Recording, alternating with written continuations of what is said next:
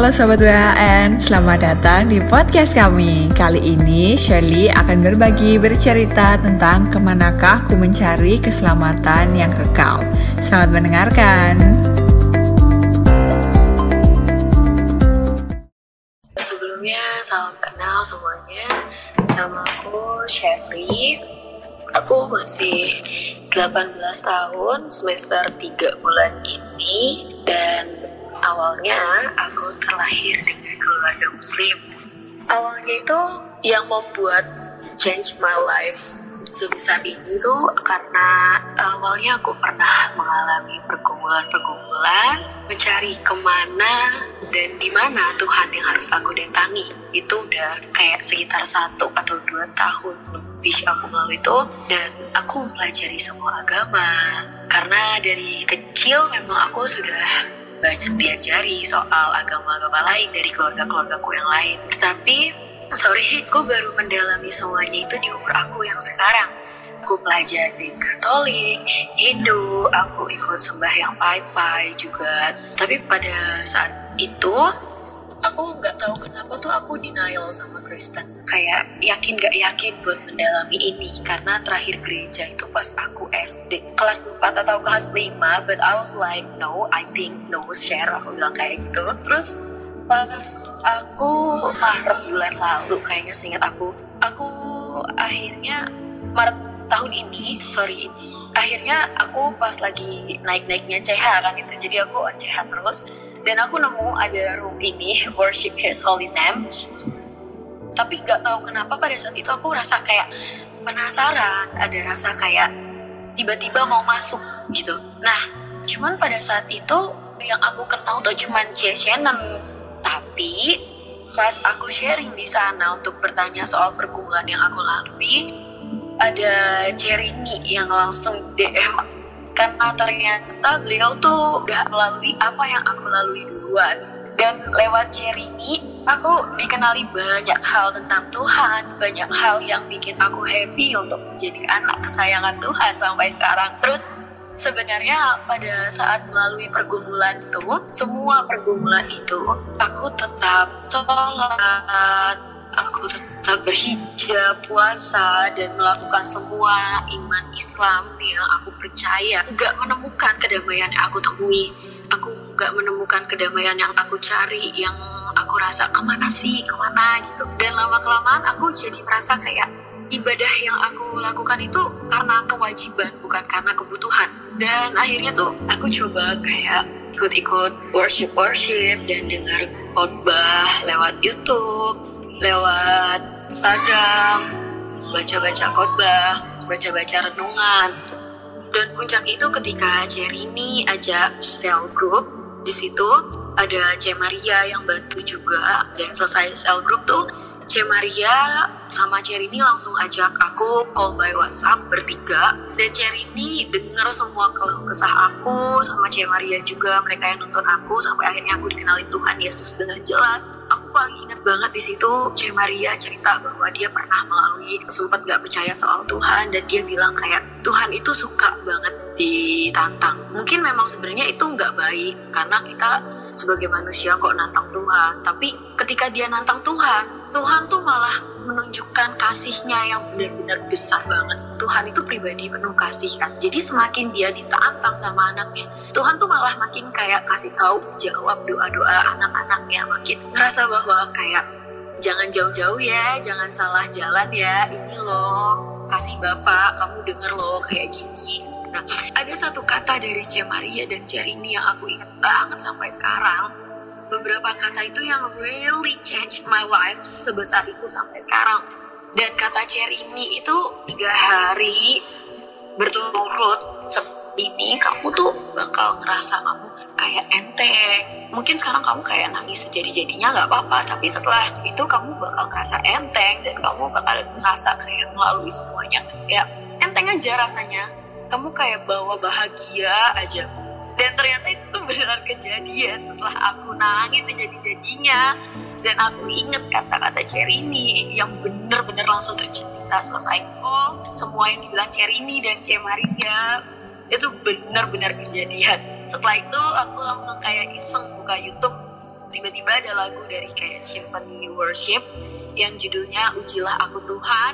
Itu aku langsung inget kata-kata Cherini yang Tuhan bakal uji kamu pada saatnya dan kamu mungkin akan uji Tuhan juga terus aku iseng denger lagu itu dan ketemu juga lagu doa Yabes dan setelah aku denger lagu itu aku jadi cengeng bener-bener cengeng banget. Kayak yang nangis kayak anak yang kehilangan permen mungkin. Terus aku ingat soal di kalimat akhirnya doa Yabes lagu doa Yabes ada kata kayak Tuhan mendengarkan dan menjawab doaku. Nangislah aku. Tapi aku makin nangis aku makin ngerasa lega dan aku makin ngerasa yakin. Ini tuh Tuhan ternyata udah panggil dari lama dari kecil. Tapi aku tuh ngeyel dan denial dan sombong banget pura-pura budek sama panggilan Tuhan. Sebelumnya aku kejadian lagi kayak dua kali mimpi dan aku yakin karena jelas banget. Dulu waktu kecil tuh sempat juga dua kali aku mimpi jalan bersama seorang laki-laki yang gak terlalu muda dan gak terlalu tua juga badannya gagah tegap terus teguh. Apa ya aku ngeliatnya tuh kayak adem teduh damai aja. Aku jalan-jalan dan kayak dikasih tahu ini surga dan ini neraka. Tapi setelah bangun aku tetap denial lagi dan aku bilang kayak ya udahlah mungkin bunga mimpi gitu kan. Terus dua kali mimpi di umur aku yang sekarang ini makin jelas banget kayak pertama aku mimpi duduk bersama orang di tengah-tengah dan ada 12 orang yang mengelilingi teduh banget aku lihat tuh teduh banget dia kayak lagi khotbah lagi berbicara ketika aku lihat orang itu di tengah-tengah aku rasa kayak teduh banget, tetram dan damai. Dan aku pas bangun aku langsung ingat soal Tuhan Yesus dan 12 muridnya, aku pelajari. Tapi aku keep, aku kayak masih aku simpen rapat-rapat soal mimpi ini. Cuman aku ceritanya sama Cie Maria sama Cie Rini waktu itu kayaknya. Dan aku mimpi lagi setelah ada laki-laki yang mimpi laki-laki dengan 12 murid itu aku mimpi lagi dengan turun dan panggil aku. Kayak seolah bilang sini kamu anakku. Sambil buka tangannya seolah bilang kayak gitu. Terus uh, di mimpi itu tuh aku langsung lari dan pas bangun aku nangis lagi. Aduh aku emang cengeng banget anaknya.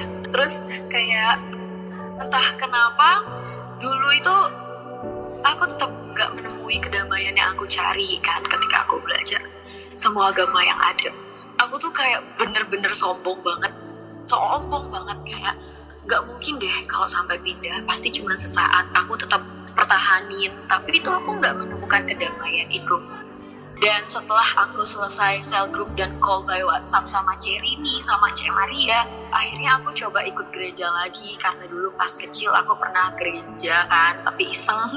Akhirnya saat aku gereja itu apa ya mungkin nggak percaya juga atau mungkin terkesan kayak lebay. Karena aku di situ pas awal gereja dari awal sampai dari akhir selesai gereja itu bener-bener nangis terus jadi-jadinya. Aku ngerasa kayak ada apa ya yang mengurapi aku gitu loh. Ada seseorang yang kayak gimana sih ngelus-ngelus pundak aku dan bilang bahwa di sini rumah kamu di sini rumah kamu kamu jangan apa ya. Pokoknya aduh aku susah mendeskripsikannya.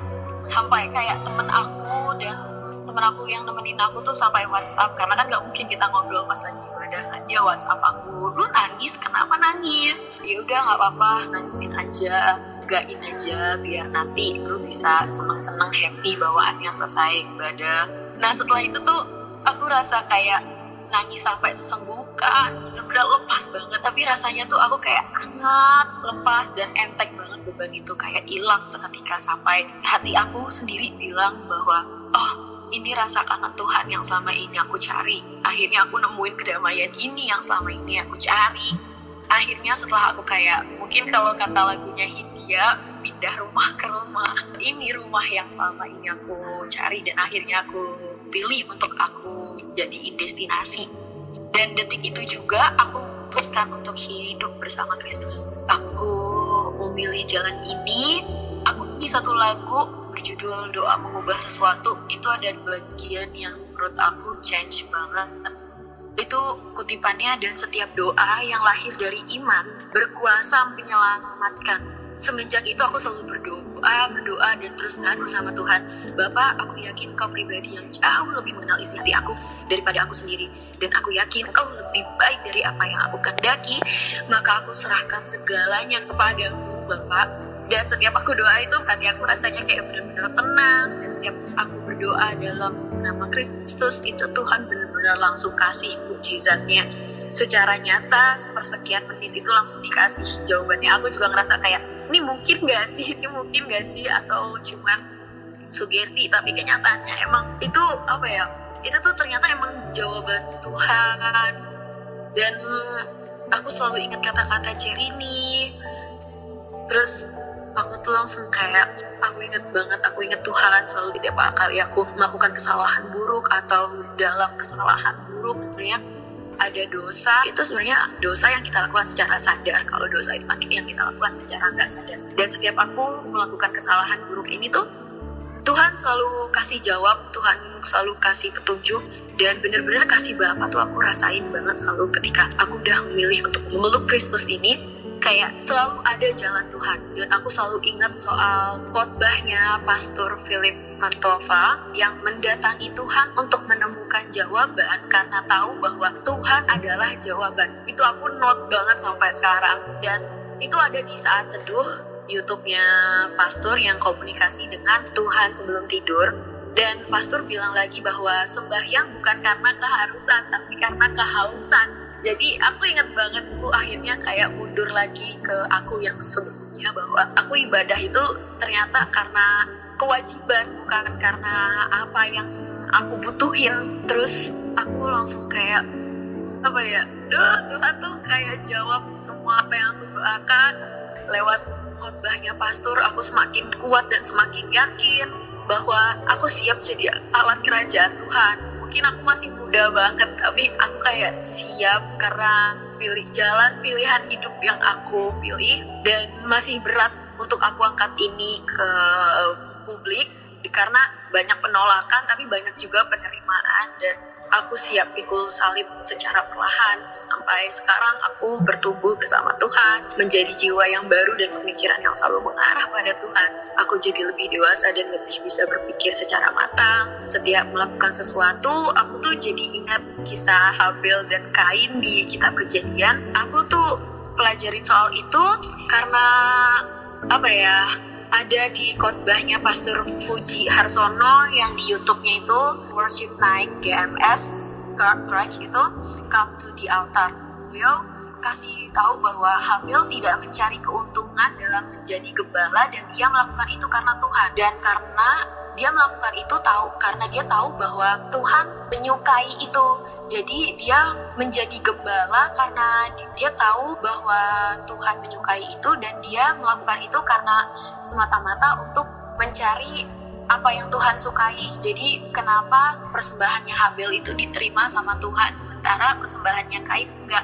Jadi sejak saat itu aku selalu kayak berusaha untuk hidup seperti Habel. Mungkin emang susah sih, tapi aku kayak perlahan-lahan sampai yang terakhir ini aku sharing sama Cherry soal Sungai Lahairoi yang bagi aku tuh simpel tapi banyak orang yang nggak sadar ya Cek ya aku sering banget apa ya baru-baru ini tuh aku sering banget inget soal Sungai Lahairoi yang di mana Sungai Lahairoi itu kayak menurut aku melambangkan momen di mana setiap orang yang lelah, lesu, letih dan berbeban berat itu dapat datang kepada Yesus Kristus dan Tuhan akan selalu sedia menghampiri dan melambangkan bahwa hidup ini nggak mudah tetapi bukan tanpa arti. Karena pada saat itu Sungai Lahairoi itu tempat di mana Hagar bertemu dengan Tuhan pada saat itu dia baru diusir sama si istrinya Abraham yang pertama ya terus aduh situ aku nggak tahu lagi mau ngomong apa aku cuma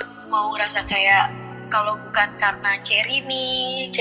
Shannon, C. Maria dan lain-lainnya aku ngerasa mungkin kayak aku bakal hopeless terus umur hidup dan aku mungkin bisa jadi agnostik sampai akhirnya aku terus-terusan jalan bersama Tuhan, bertumbuh bersama Tuhan dan ke sini-kesini tuh makin banyak teman-teman yang membuat aku memperkuatku. Dan sampai akhirnya dari keluarga aku sendiri keluarga aku ini kan leluhur aku banyak yang kejawen dan banyak juga yang Islam. Dan keluarga aku ini ada salah satu saudara aku yang masih muda mungkin sekitar tahun gak jauh dari aku.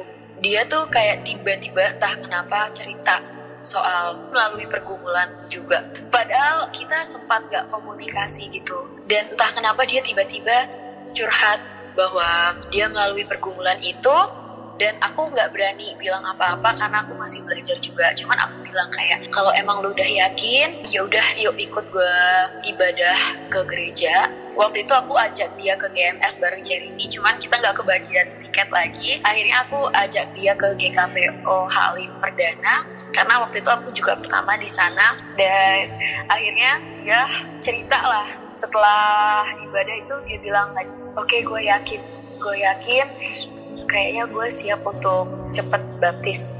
Tapi lu kapan baptis? Kalau kan dia nunggu aku baptis tapi aku belum siap untuk baptis karena aku belum siap untuk apa ya aku hidup sama mama. Kalau misalnya aku baptis dari sekarang pasti mama juga akan menanggung semuanya mama bakal menanggung omongan orang yang belum tentu semuanya tahu dan semua semuanya open minded sama apa yang aku rasain. Banyak yang pikir tuh aku pindah mungkin karena pacar atau karena cowok padahal nggak sama sekali. Aku nggak ada pacar aku nggak ada cowok aku nggak ada apa pun itu. Aku murni karena perkumpulan aku sendiri. Ya udah akhirnya berisik banget ya.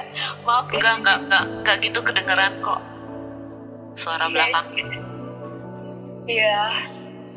Soalnya di depan rumah aku pas banget lagi renovasi rumah berhari-hari belum kelar-kelar. Jadi mungkin aku cuma minta doa di sini kayak aku mau minta doa untuk kalau memang mama aku nggak bisa untuk ikut bersama aku. Aku tahu sebenarnya mama aku tuh mau ikut tapi dia menanggung gengsi omongan orang menanggung gengsi omongan miring orang lain dan tetangga-tetangga. Makanya aku mau minta bantu doa. Mungkin kalau misalnya mama nggak ikut bersama aku mungkin dia bisa paling tidak menerima dan dia bisa lebih apa ya aku nggak bisa ngomongnya.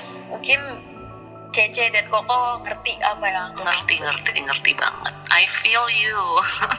Soalnya bener-bener bahwa aku kasih ujuk aku kasih Tuhan karena Cherry ini selalu tag aku di Instagram jadi kan aku kayak pelajarin secara terus menerus aku jadi bertumbuh terus menerus makasih C Thank you juga Shirley. Aku juga amazed banget loh kamu. Ternyata kamu baca Alkitab terus ya.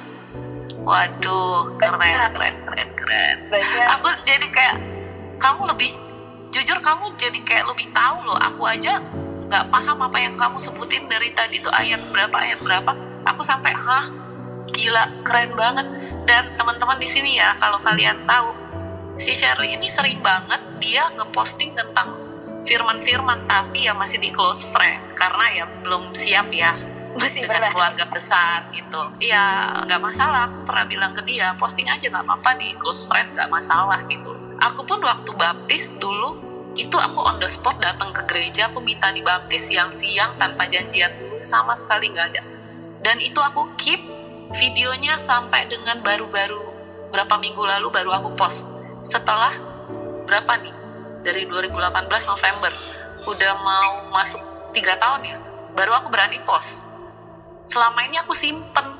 Jadi waktu baptis pun nggak ada yang tahu keluarga aku juga nggak ada yang tahu cuma beberapa sepupu aja yang tahu gitu. Suamiku pun nggak tahu karena ya dia juga masih belum ya masih belum terima Tuhan Yesus masih belum. Jadi ya pelan-pelan semua butuh proses. Cuma aku tuh kayak luar biasa banget Shirley. Kamu bener-bener baca Alkitabnya ya jadi aduh aku seneng banget loh aku seneng banget. Terus ini ya aku mau sharing sedikit WHHM bisa sampai ada hari ini sampai dengan hari ini. Itu salah satunya juga karena Shirley. Jadi waktu pertama WHHN ada nggak sampai seminggu Shirley muncul dan sharing sharing seperti sekarang ini ya tentang pergumulan dia segala macam. Nah saat itu juga aku langsung DM dia. Dari sana kan terjalin kita kontek-kontekan nih. Sampai akhirnya dia terima Tuhan. Aku baru tahu maksud Tuhan. Oh Tuhan ternyata di balik musibah yang aku alami ini maunya kamu ini maunya engkau Tuhan. Engkau mengizinkan musibah yang aku alami karena ada satu rencana besar di balik itu. Nah Shirley ini orang pertama yang WHHN tangkep gitu loh. Jadi ya ini bukan bicara tentang mau mengkristenkan orang tidak sama sekali, tapi sesuai visi WHHM itu kita itu pengen banget kayak merangkul teman-teman untuk percaya Tuhan Yesus gitu, percaya bahwa Tuhan itu juru selamat dan yang udah jauh pun bisa kembali itu sih. Dan Shirley ini orang pertama yang benar-benar bikin aku tuh jadi oke, okay, aku akan konsisten apa pun yang terjadi mau awal-awal mungkin beberapa yang di sini Raymond dari awal banget dari awal Raymond tuh aku sering banget DM dia.